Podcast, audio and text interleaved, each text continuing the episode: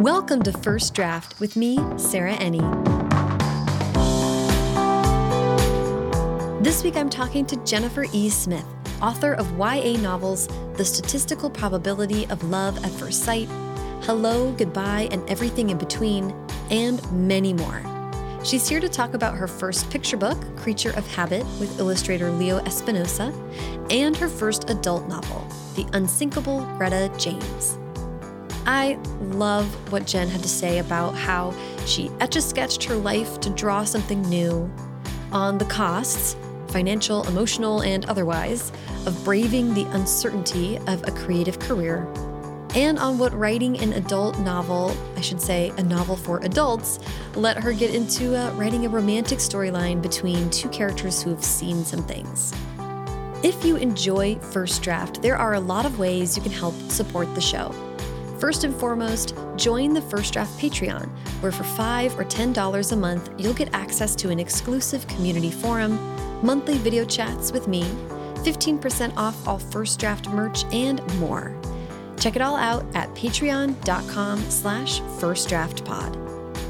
And if you want to just donate directly to the show on a one-time or recurring basis, you can do that at paypal.me slash firstdraftpod or by donating via Venmo. The show is on there at First Draft Pod. The show notes for this and every episode are packed with links to everything the guest and I talk about, and that's a great way to support the show because First Draft is an affiliate of bookshop.org. So when you buy a book through a link on firstdraftpod.com, part of your purchase goes to support the show, and part of it goes to independent bookstores, all at no extra cost to you. And while you're on the website, check out the shop. First Draft has tons of merch dad hats, scrunchies, tote bags, water bottles, you name it, and every purchase directly benefits the show. There are plenty of free ways to help out too, like by subscribing to the podcast on whatever app you're using to listen right now, and leave a rating and review on Apple Podcasts and Spotify. If you take the extra minute to leave a review on Apple Podcasts, I'll read it in the credits. And sign up for the First Draft newsletter to be sure you never miss an episode and hear about news and upcoming events. Okay, now, please sit back, relax, and enjoy my conversation with Jennifer E. Smith.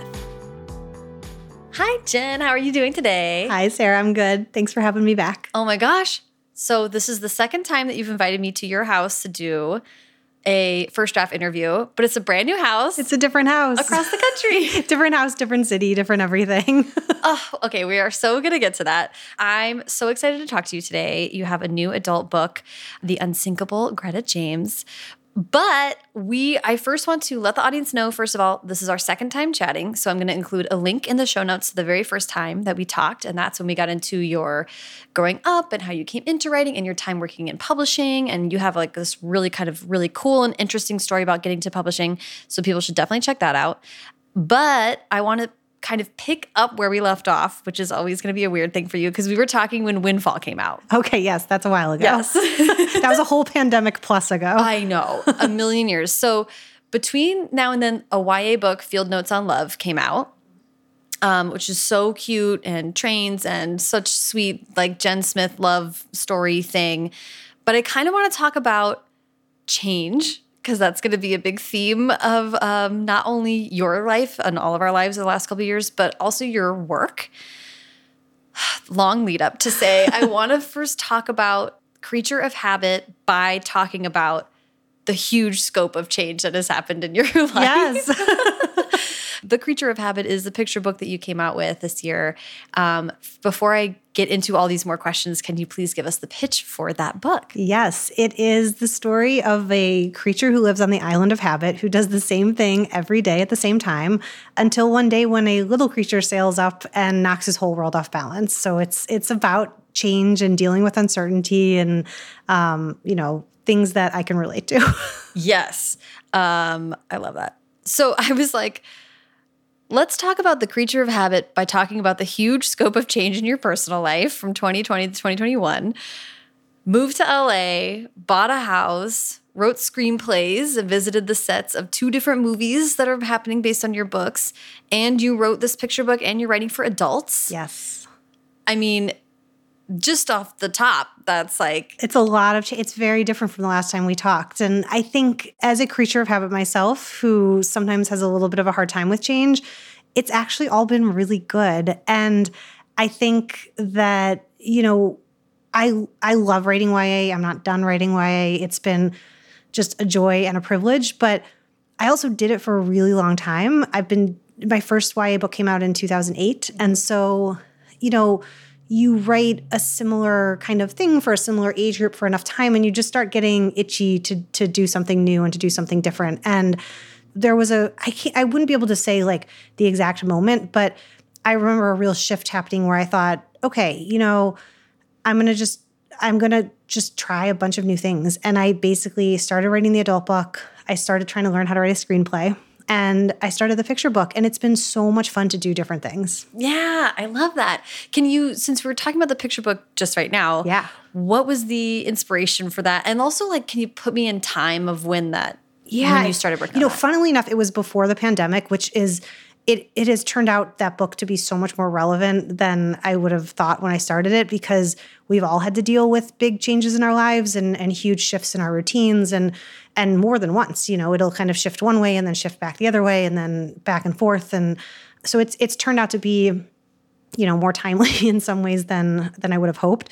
But the inspiration came from I have two little nephews who I'm very close to, and one of them, the older one, is me, and for good and for bad.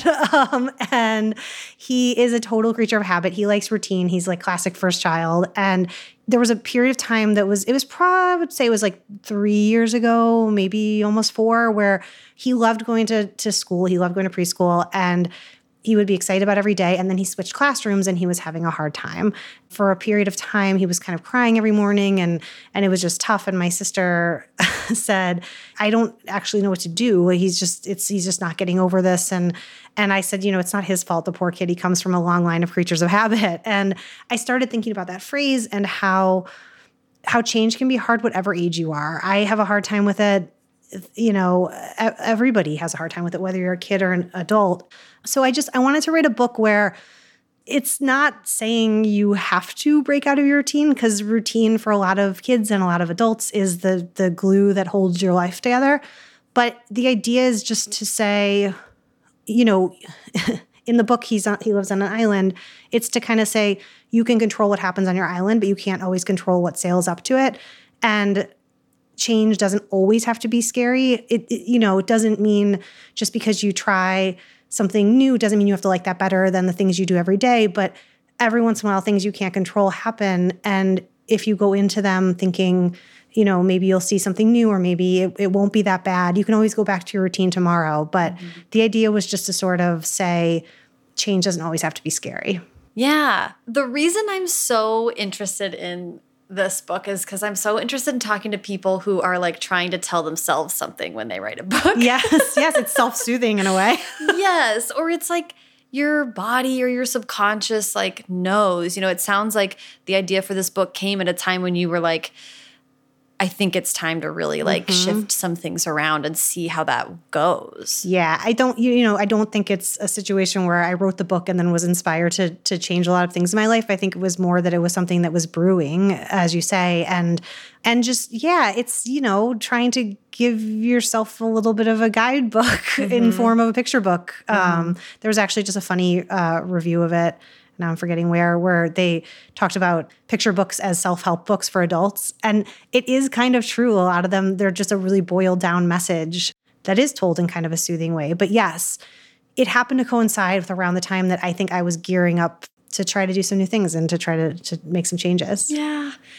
And picture books stay alive. Like the publishing process is a long tail for them. Yes. So that's like part of the other thing is I was like, Jen wrote this book and then like had like two years of like just iterative seeing the tr- illustrations, like timelines Yes. shifting and stuff for it. So it kind of was like this presence. Completely, yeah. He's I've this these two little creatures have been with me for a long time now, and I'm actually working on a sequel now, and and I, you know, these guys are are with me, and I love them, and I I should say too that the illustrator for this book, um, Leo Espinosa, is a genius. I I'm so grateful to him. I did not know him before this. I felt so lucky that he wanted to do this. And the the the only instruction I gave for the illustrations was that I wanted the big creature to be ridiculously adorable, and he accomplished that in spades. Amazing! I love that. Um, you know, I love talking to people who write picture books.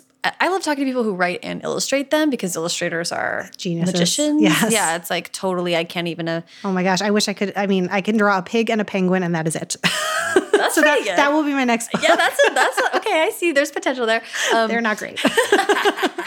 um, but it's um, an interesting challenge to write something and leave room for somebody. How did you? Because this, you've been in publishing a long time, so you aren't new here. But writing a picture book is so different. so different. And because i have been around publishing i've worked i've worked at an agency i've been an editor i've um, you know written middle grade young adult now adult. I've, I've i've seen so much of this industry and this was unlike anything else. It is is just such a special unique corner of this business. And yeah I, it was a learning curve. I just i had to learn a lot around the way. I was lucky enough to get to work with Lee Wade at Random House Studio, who's just a, an incredible editor. And she, you know, really helped me. You know, it, it's funny. I remember at a certain point telling somebody that I I needed to to get home because I needed to to edit my picture book, and they were like, "How long does that take? Five minutes?" But it it doesn't because there is this this misconception that writing a picture book is very easy because it's short, but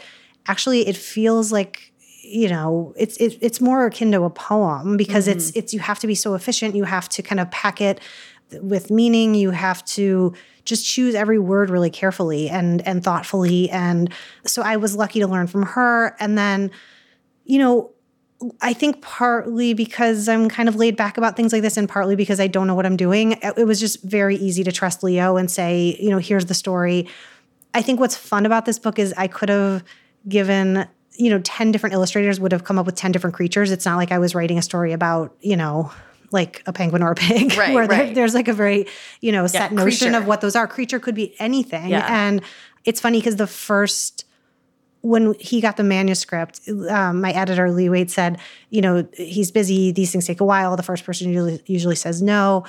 And the next day, we had a note from him saying that he loved it and he wanted to do it. And he attached a little image of his just first impression of what the two creatures would look like. And it's amazing to me how close they stayed from just his little sketch. Um, Wow. he just had a, a, clear vision, which I think is um, fascinating. Yes, Yeah. that is fascinating. That's so cool.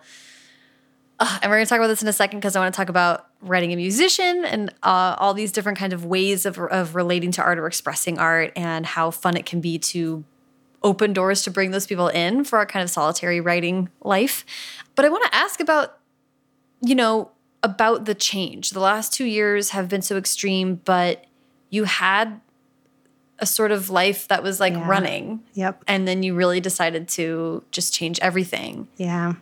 What do you think happened there? I mean, I think it was brewing before the pandemic, but I think that kind of tipped me uh, over the edge in a way. Like probably a lot of people, it, was a time to make a shift. And I lived in New York City for 16 years and I love it and it's home and I miss it. And I hope I'll live there again someday. And it's the best city.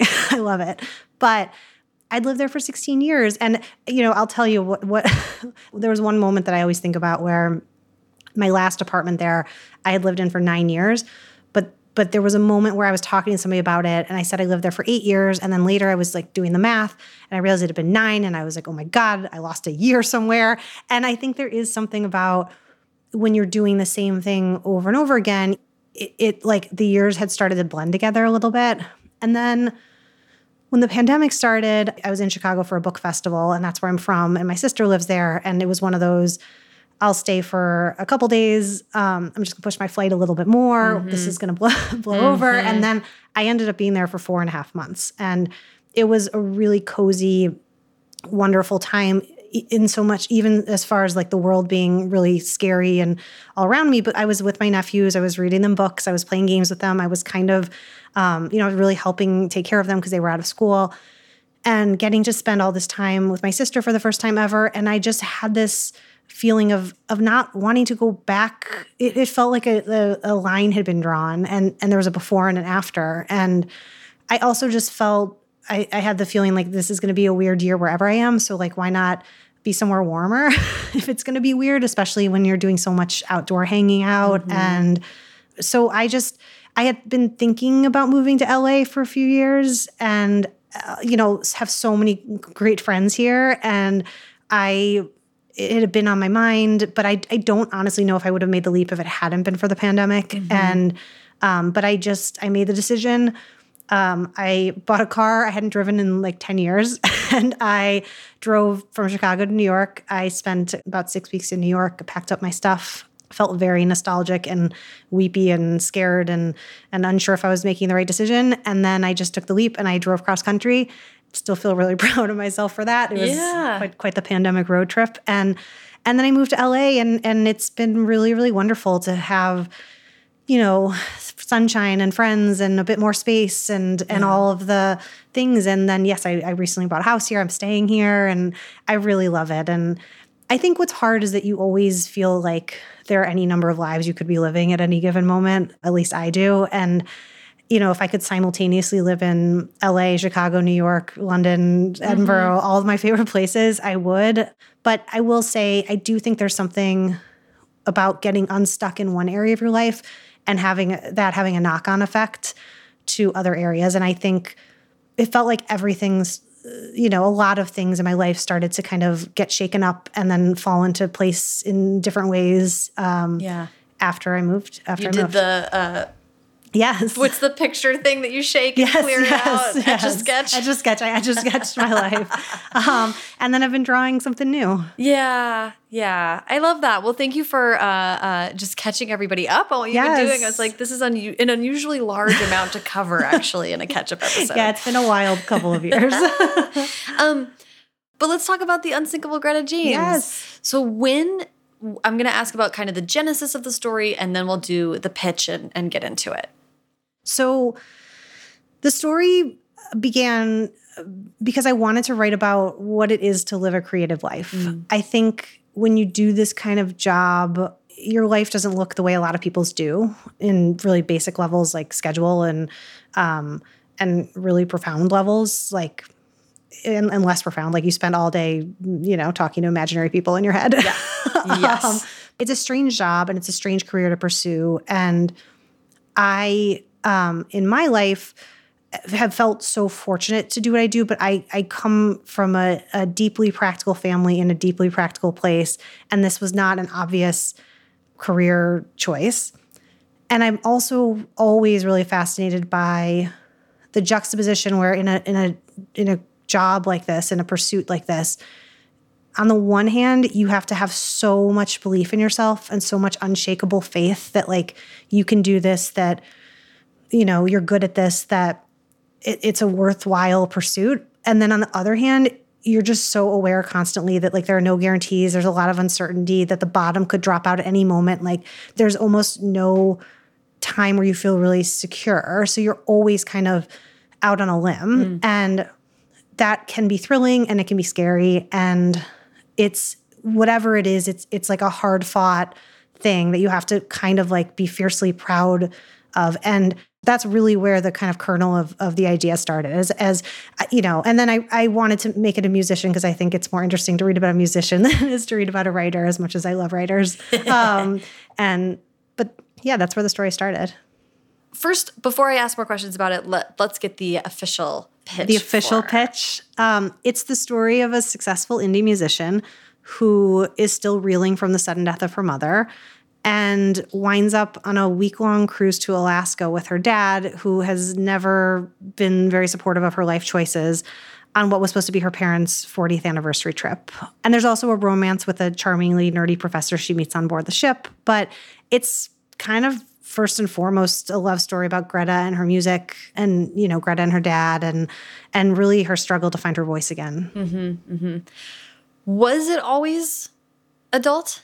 It was always adult. Okay. It was always adult, yes, because I wanted to write about a very particular time in someone's life. I mean, I again, I have loved writing YA. It has been just wonderful and I will continue to to do it and it's the best. But as I get older, I've felt a real tug towards writing about uh, people who are closer in age to me, who are thinking about the same things I'm thinking about, who are having experiences that are closer to mine. And so it was very intentionally that mm. I wanted to write about somebody who was, um, she's like 36 and dealing with all that that brings, which mm-hmm. is to mm-hmm. say, like, you're at sort of a life crossroads where she sort of muses at one point in the book about how as I said before about cities, you can live all these different lives, and and she she muses in the book about how you can be just by continuing to live your life, you're you're every day you're picking a path, and more doors close as you continue down that path, and and always wondering if you're on the right path, and if you should be doing things differently, and if you're going to miss opportunities that you might later regret, and so those are so specific, obviously, to being in your you know mid to late 30s. Mm-hmm. Um, so yes, it was it was always intended to be an adult book. Yeah, I love that. What feels very specifically adult about it is that it is um, YA is so much about first experiences, and this book is so explicitly about like second chances. Yes, and that's a great way to say it. Yeah, and and like having a like a suffering a huge loss or having a huge like you know, you know, there's something that happens in the book that she like has a meltdown and she's recovering from this moment. And she's coming out with her second album. It's like all this stuff that I was like, you have these bad experiences, and what do you learn from it? And how do you make different choices going forward? Yeah. How do you, yeah, exactly. How do you move forward from these things and, um, and in a, in a different way? And yes, yes, second chances is a really good way to put it. And then I also think it's, it's, a lot of it is in YA it's about you know first successes and overcoming things and and launching yourself into the world whereas greta's a little battle worn like mm-hmm. she's somebody who didn't find success until her 30s which is a different kind of success than the people who make mm-hmm. it very young it means you've collected years and years of rejections and passes and and yeah, you're, you know, you're scuffed up a little bit. you're bit. scuffed up for sure but it yeah it it's I like the second chances, the idea. Yeah. Yeah. Well, and because you are like a lot of your work is about fate and choices and moments in life that really change us. So it felt like much of your work to date has been about like the first time that happens, the first time that you're like, you know, I like to think like college, right, is the first time you kind of like choose this huge different step for a lot of people. And this is like, you zigged Mm-hmm. You know, do you want to zag or like you know this is you you get actually many many opportunities to change your life completely. Yeah, at any at any moment and yeah, and this is Greta's and I what I really wanted to do was visit a character where the bottom had dropped out and she was grappling with that and I wanted to to put her on a ship mm-hmm. with the person in the world who's always doubted her. And she's somebody who's had to really like defend and scrabble for and and be you know confident in herself and and uh, with her career. And then she basically is stuck with her dad who's a walking i told you so who's mm. been, who's the one person who's been saying this is like this is why i worry about this job. Like the relationship in the book they greta and her dad are so frustrating and they butt heads and they are two very different people and they've lost their translator in her mom and it's about them trying to kind of find a new language together. Mm-hmm. and i think you know i think he they, they can both be frustrating but there's also so much love there and it's just about them trying to kind of bridge bridge that together. Yeah i mean that was like i felt that deep. Yeah. Um i think it's so true how you drew conrad her dad but that he wasn't letting go of his fears for her. Right. Even though she had demonstrated mm-hmm. competence and yeah. you know what I mean? Like she had sort of proven herself, but she still kept coming up. It was just like sort of their scripts that they couldn't yeah. rewrite. You get in those patterns with parents. And I think there is, I mean, this was something that sort of, as I was setting out to write this, struck me as funny. It's, it's when you're with your parents, you totally revert to your 13 year old self, right? It's just a thing that happens.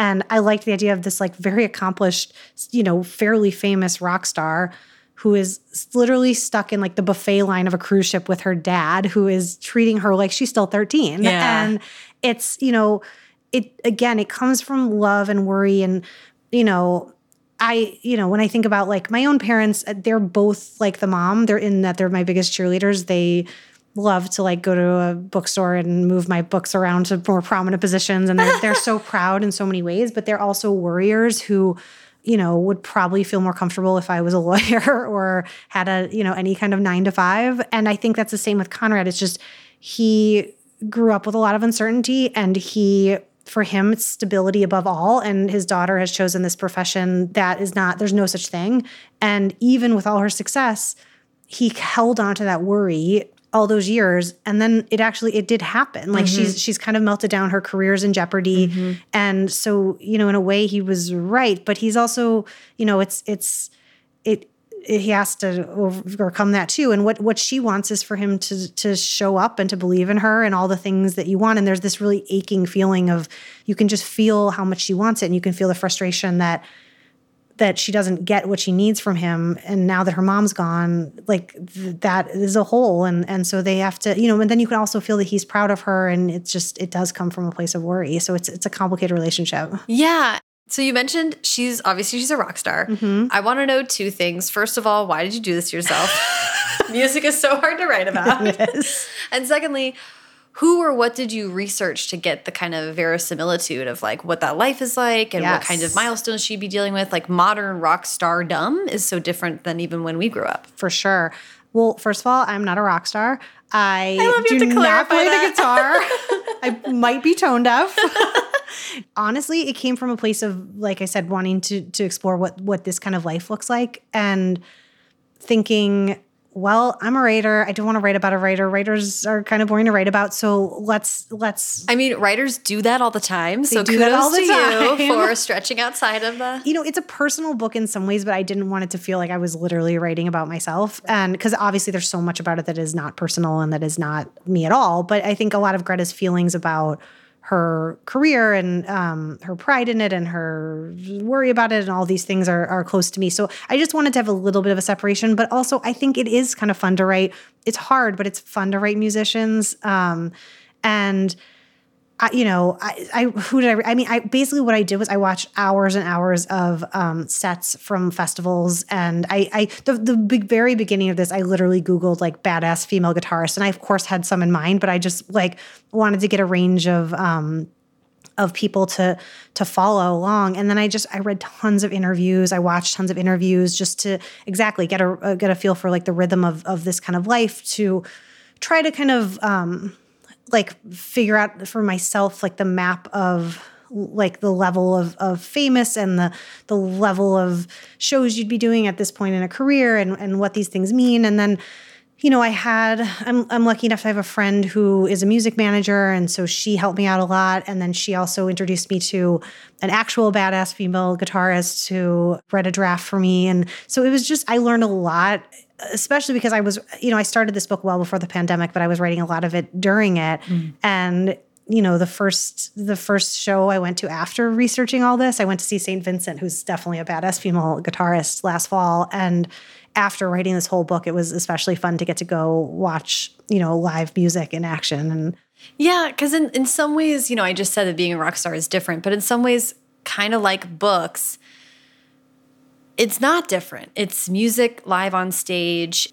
The agreement of paying for a concert ticket is the understanding that this is the one human person who can who created this, who can sing it just the way you like. Who, you, but so you, the agreement is you pay for the experience of just being in a one-time only like that. environment. Mm-hmm. And I was like, yeah, that is it. It's the like I'll go through all the hassle to listen to the same thing I could listen to in my car, but it's so different because we're all here together. different. It's so different. And I've obviously, like, as I'm talking about this book and this book is going out into the world, I've been thinking so much about what's similar and what's different from, you know, obviously eh, at a live music venue, there's an electricity to it and, and there's so much energy and it is that kind of closed circuit between the audience and and the performer. But obviously books, there there is, you know, it's a quieter, more personal thing. But at the end of the day, it's like people being affected by art and and responding to it in a certain way and, and hopefully having an emotional response or being entertained, you know, whatever it Yeah. is, it's it's you know, there are similarities, but obviously being a rock star is way cooler. Unfortunately, yes. Unfortunately for us. obviously the the the way these things are consumed and and sent out into the world are very different but the way that your heart is on your sleeve and and it, the, the vulnerability of these kinds of careers is that's really what i was getting at is is like how hard you have to work and how much of it's behind the scenes and how um, just how many setbacks there are. I think at a certain point in your career, people, when you've had enough under your belt, people sort of look at it and think it's a straight line from mm. from here to there. And it's my career has not been a straight line at all. And and I know we talked about it the last time I was there, but I, I you know, I my first two books got rejected before you know my my next first one got published and then my first two books that got published sold no copies and then it wasn't until my my third book which was my fifth book but my third book to get published that kind of broke out a little bit and i look back in, in an almost breathless way now at like a younger me and i was like wow you know after my first book got roundly rejected i cannot believe I sat down at a computer, opened up another blank document, and started writing again. And then that one got rejected again, and I did the same thing. And it, I could have so easily said, you know, this isn't working, and and that would have probably seemed rational. Mm-hmm. And so I think that's that's what I really wanted to write about because it is you. This is what I meant before. Like you have to have this blind faith in yourself and just like buckets full of determination, and it isn't always rational. And then by the way, like in between all those books that got published, this Greta's my 10th novel and um, my 11th published book because of Creature. right. And, you know, I've had books that have had, you know, big push from publishers that have have just done okay. And I've had books that nobody expected anything from that have been hugely successful. And, and I've had books rejected in between, like every single iteration of this. And I guess that's my point is that it is, it's a long view and it's a marathon and it's hard. And even if,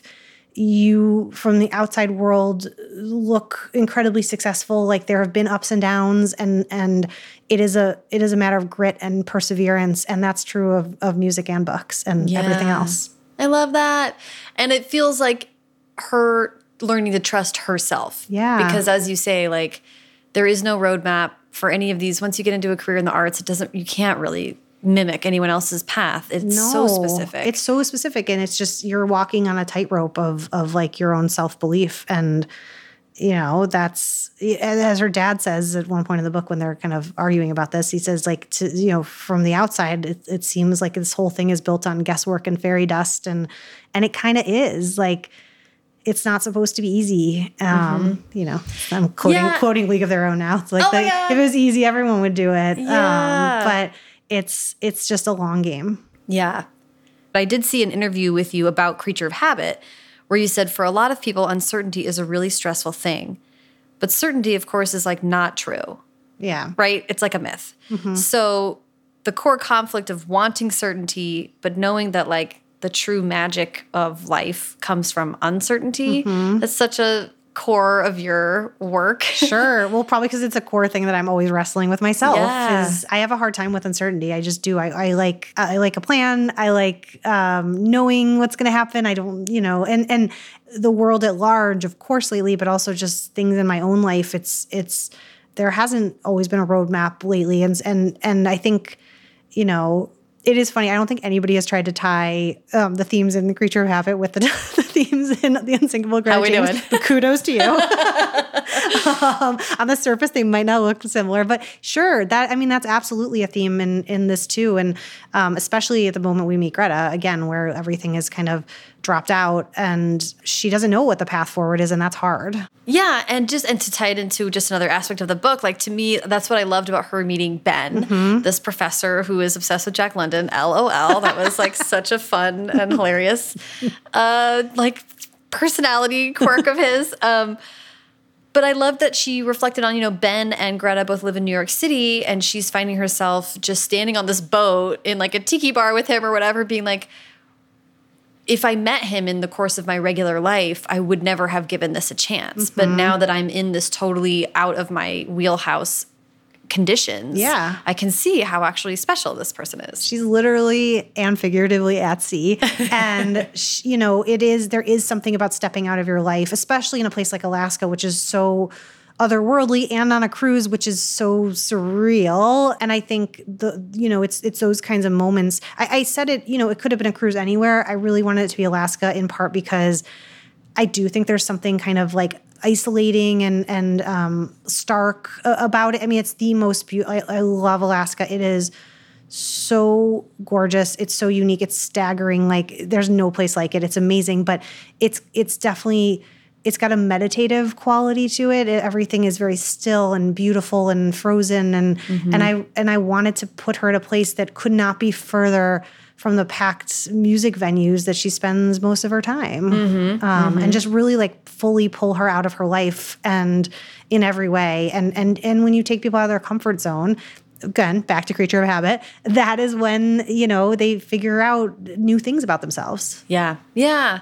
Um, I just want to talk about crafting a love interest Yes. for an adult audience because Yes. this is a not a fresh faced whatever young punk Yes. or whatever we are going to fall in love with as a teenager. This is like a guy, an adult with baggage and responsibilities, and he's like a nerd. he's a nerd yes, and he like isn't trying to be cool. He's not trying to be anything he's not, which is like inevitably what teenagers are all about is Yep. testing identities out against each other.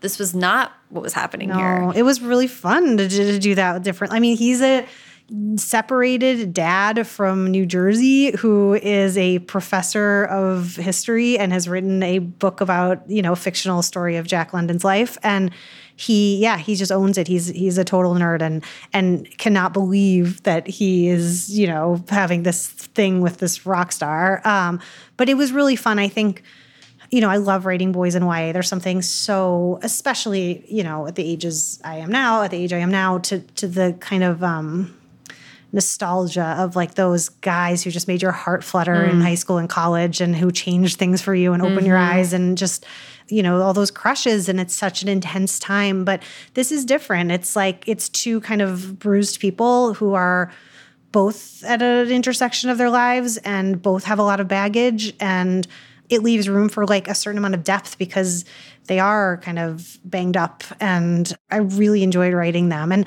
and you know it was also just interesting because most of my YA books the love story is really the you know top billing mm-hmm. and with this, like I always say, it's three love stories in one. And the first is Greta and her music, and the second is Greta and her dad. And it's really the third is the romantic love story. So it's a really important part of the story and the way they kind of find each other. And, you know, I, I love stories, as you might be able to guess, about people who um, meet each other kind of right at the moment they need each other uh, without knowing that that's what they need.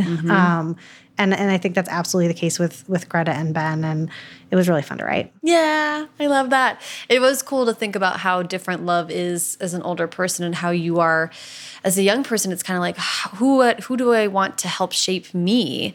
And this was like who can I find to just like let go Yeah. of wanting to shape me. Right. It's not like the hopeful thing. It's more like it's more vulnerable. It's Yeah. more like yeah, we like uh, you know need, needing somebody Yeah. and um Can you accept who I am? exactly. Yeah. That's what I was like.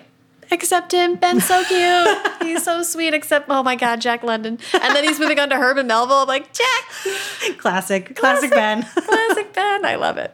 Um, it was so cute. Also, I love the name Ben. It was working for me on every level. oh good. Um, uh, just gotta ask about whether you took a cruise to Alaska for research. I did. I did. So I had gone on a cruise to Alaska with my family when I was in high school.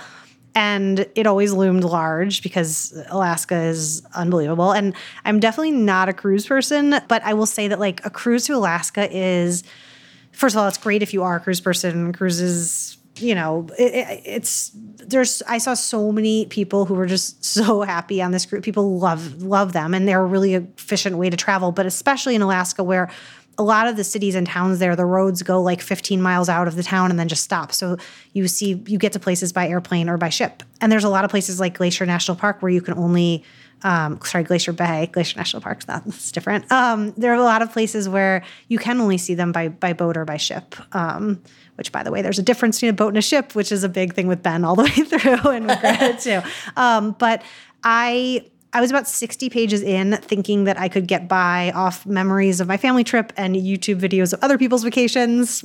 Um, and kind of realized if I was going to really capture this and write it well, I was going to have to go take one. So I, a few years ago, made a little writing retreat out of it. And I took a cruise to Alaska and I, you know, did it all. I met a lot of people. I did the dinners, I did the buffets, I did the excursions, many of them, which, as you might guess, are the same as the ones Greta did. And just completely again fell head over heels for Alaska. It's just such a special place. Yeah, I love that. It was very, there were some specifics in there that I was like, okay, Jen went on this cruise and saw someone wearing that shirt or whatever. Yes, like there was yes. so many great little details like that that just like feed the setting Yes, so much. I mean, look, if you're gonna if you're gonna write a book somewhere, you may as well do it someplace where the research trip is is an extra perk. That's where you heard it here first, um, amazing. Is there anything else about Greta that you want to make sure we talk about or touch on? no, I just I I'm really proud of this book. I'm I'm more proud of this book than anything I've ever written. I Wait, can you talk about that really quick? Because we didn't get behind the scenes. It took you longer to write this It book. took me then. longer because I was writing it, you know, with all my YA books, um, I would write, you know, the first like 60, 70, 80 pages and sell it off that and get or get approval from the publisher for that. And Greta is the first book that I wrote. I think, yeah, I think it's the first book that I wrote completely before showing it to anybody. And I had other deadlines. I wrote field notes, some of mm-hmm. in between. I wrote other other I wrote scripts in between. I I just I had a lot of things in between. So it was that kind of you know, secret project of your heart thing that you keep returning to. But I was very adamant that if I I had such high hopes for it, and because I, I, it meant a lot to me, and because I used to work in publishing on the adult side as an editor, I just was so aware in a way that I'm not with YA or middle grade or picture books of like what it is to sit in an edit meeting and and talk about all these amazing manuscripts and what it takes to get published and what it takes to publish in this space. And and I was very aware that when the book went on submission, it would go to people either who I probably knew or who knew of me by reputation and knew I, uh, you know, either had read my YA books or know that knew that I had good taste when I was an editor and acquired books that I was really proud to have acquired and edited and um, published. And so, I the whole time I was writing this, I was very serious about that I wasn't going to show it to anybody unless it, it it kind of panned out the way I was hoping it would pan out. And I have never worked so hard on a book. I've never gone over it so many times. I've never had so many friends read it for me and give me notes. I've never just kind of immersed myself and in the way I did with this one. And and um, it was just I it's I worked really hard on it and I and I love it and I poured so much into it and I hope people love it too. Yeah, I mean, I really love hearing that. And I've actually talked to a few people lately where it's, I love talking to people who are like farther on in their journey and they're still finding new, not even like challenges, just like whole new, you know, areas of passion. Like this is like a whole other like kind of book that's brand new to you, even though it's your 10th published Yeah. book, you know? Yeah, which is what made it feel kind of fresh and exciting and also really daunting. And it, it felt like a much bigger challenge and a bigger mountain to climb in some ways. And I'm I am I'm really proud of how it turned out. And then there was like the complete panic when COVID started and all the news was about um, cruise ships. And I was like, oh my God, I just spent years like working on I was almost done with it. I was like, I spent years working on the story about a cruise ship. No one's ever gonna want to read it. Cruises are over, no one's going on a cruise again. And um, luckily that's not the case. But even if you're never going on a cruise again, um, it is it's been so fun with the the people who have read it early. How many people have said it makes them want to go to Alaska, um, and it and it is, you know, I hope transportive in that way. Yes. Um, let's talk about a, a little bit about movies and screenwriting. Mm-hmm. Just really quick, can you tell us where things are at vis-a-vis your books being things we can watch on TV? Yeah, yes, on or on a phone or in a Yeah, wherever. watch on some device. It's been a really exciting couple of years. Two of my YA books were turned into movie were they filmed um, a little over a year ago, back to back actually. Um, uh, Hello, Goodbye, and Everything in Between, and the Statistical Probability of Love at First Sight. It has been, you know, it's a long journey from page to screen. It has been a twisty journey in in some cases and it it it, it was just the biggest uh, surprise and joy and just the greatest feeling when these actually happened. They filmed during covid like deep covid before pre-vaccine covid um, which was like you know a, a feat in and of itself. One of the producers w- w- still teases me because they were for Hello Goodbye. They were up in Vancouver, literally with the production office. All the people they were scouting locations. They were starting in like a week, and I kept being like, "So if this actually happens," she was like, "It's happening," and I was like, "How? It's COVID, and this uh, things always fall apart." And I couldn't. I just still until it happened, I still couldn't quite believe it. but it did happen and they both um, it was the same production company ace who did um, the To All the boys i've loved before movies. They've been so wonderful.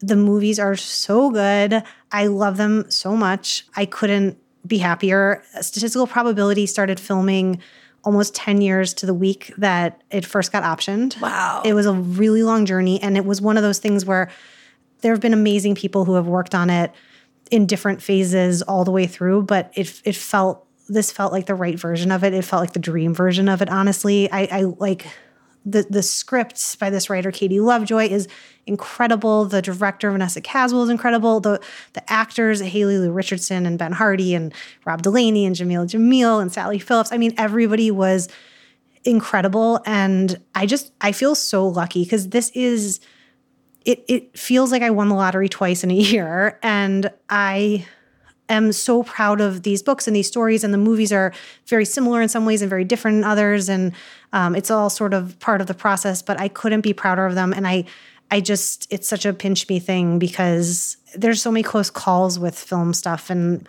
i just can't believe these these have kind of gotten over the finish line and and i just couldn't couldn't be happier so exciting. Yes, it's been so, exciting. Well, and then there's a couple others that are in development. This is what happy looks like, and Field Notes on Love, which I'm writing with the wonderful Lauren Graham. That has been, you know, Hello Goodbye and Stat. I didn't write the scripts for. Amy Reed wrote the the Hello Goodbye one, and as I said, Katie Lovejoy wrote um, Stat.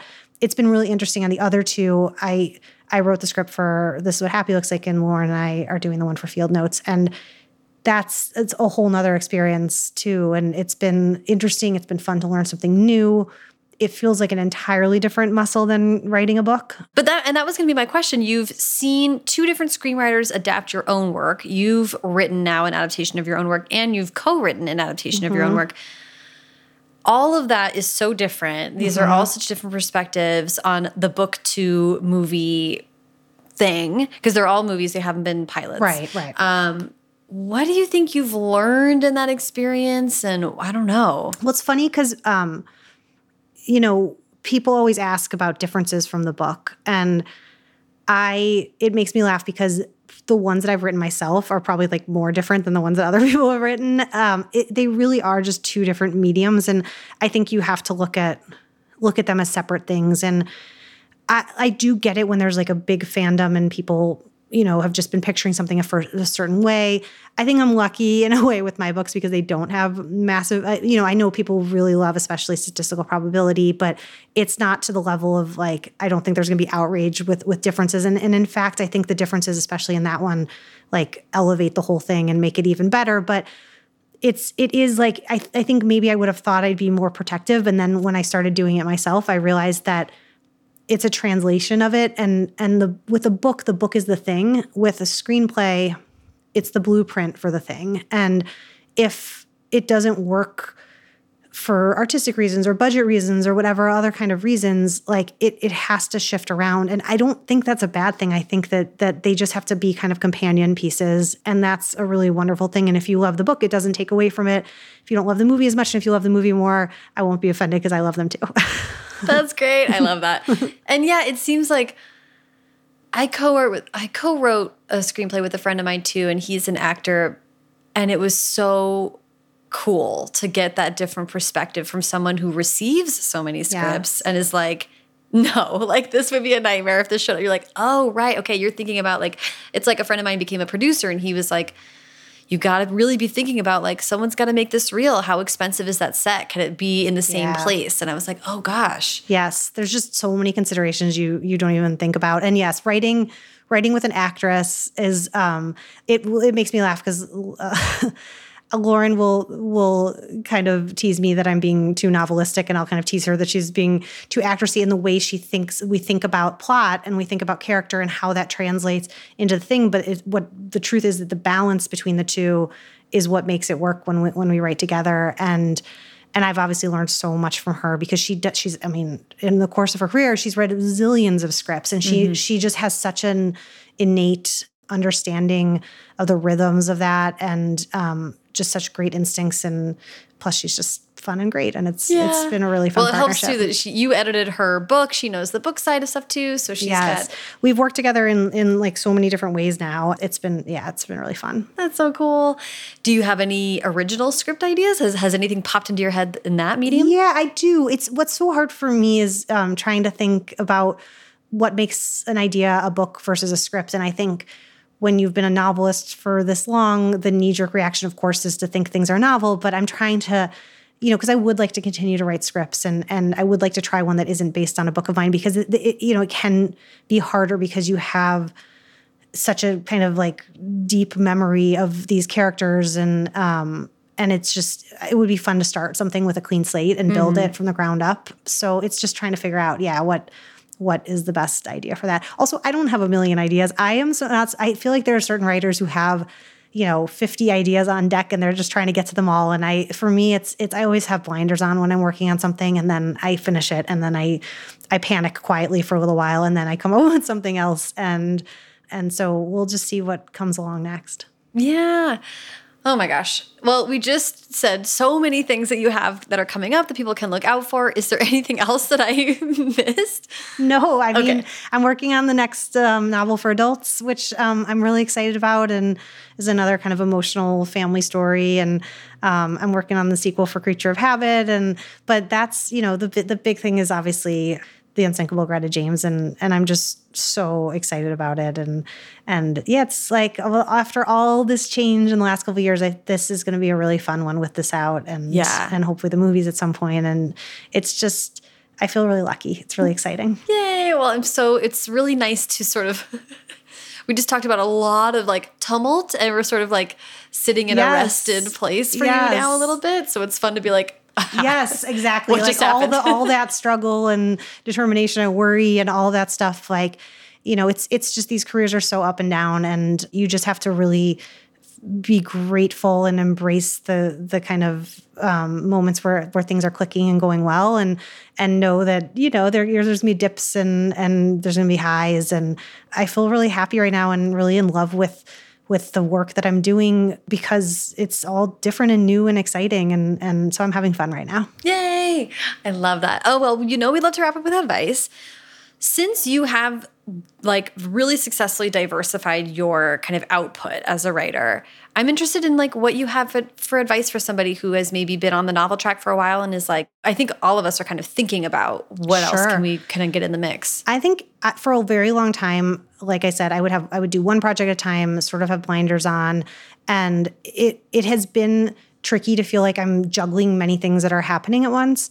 It's what's also nice is this is, as we've discussed, a career where there's a lot of worry and stress, and I think what's been nice about having a lot of balls in the air is not having enough time and bandwidth to like freak out about any one thing, and so that's been good. And then I just honestly, it's just been trying to do my homework. And and you know before i wrote a script i read some books on writing scripts and i read a bunch of scripts. And same thing with picture books. I you know i spent four and a half months at my nephew's house you know reading a million of them and the years before that with them. And i you know i there were days where i would just go to the bookstore and spend you know hours in the picture book section. And and you know with all of these things it's just yeah putting the time in and and you know figuring out if it's something you want to do. And then just trusting your gut. And if you feel like it's time for a change like it's good to mix things up but it's also like the creature of habit would say it's also okay to keep doing the thing that you're doing. And um really again just kind of follow your instincts Yeah, I love that. Jen, this was so fun. it was so fun thank you for the great questions and for oh. reading the book and it's good to be back I loved checking back in with people, and this was such a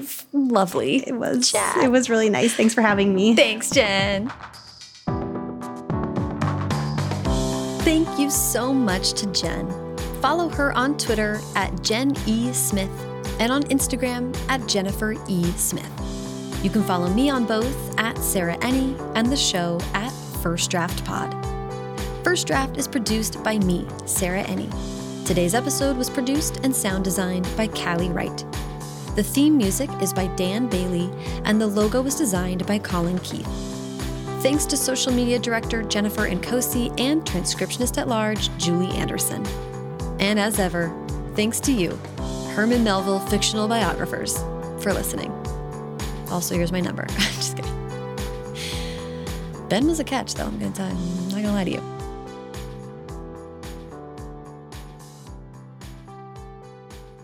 Our friend had the best. I think I want to put this on like a pillowcase. He was like, "Yeah, some of my favorite people are writers, but definitely my least favorite people are writers." Sounds right. sounds That's the best way of putting it I've ever heard in my life. sounds right.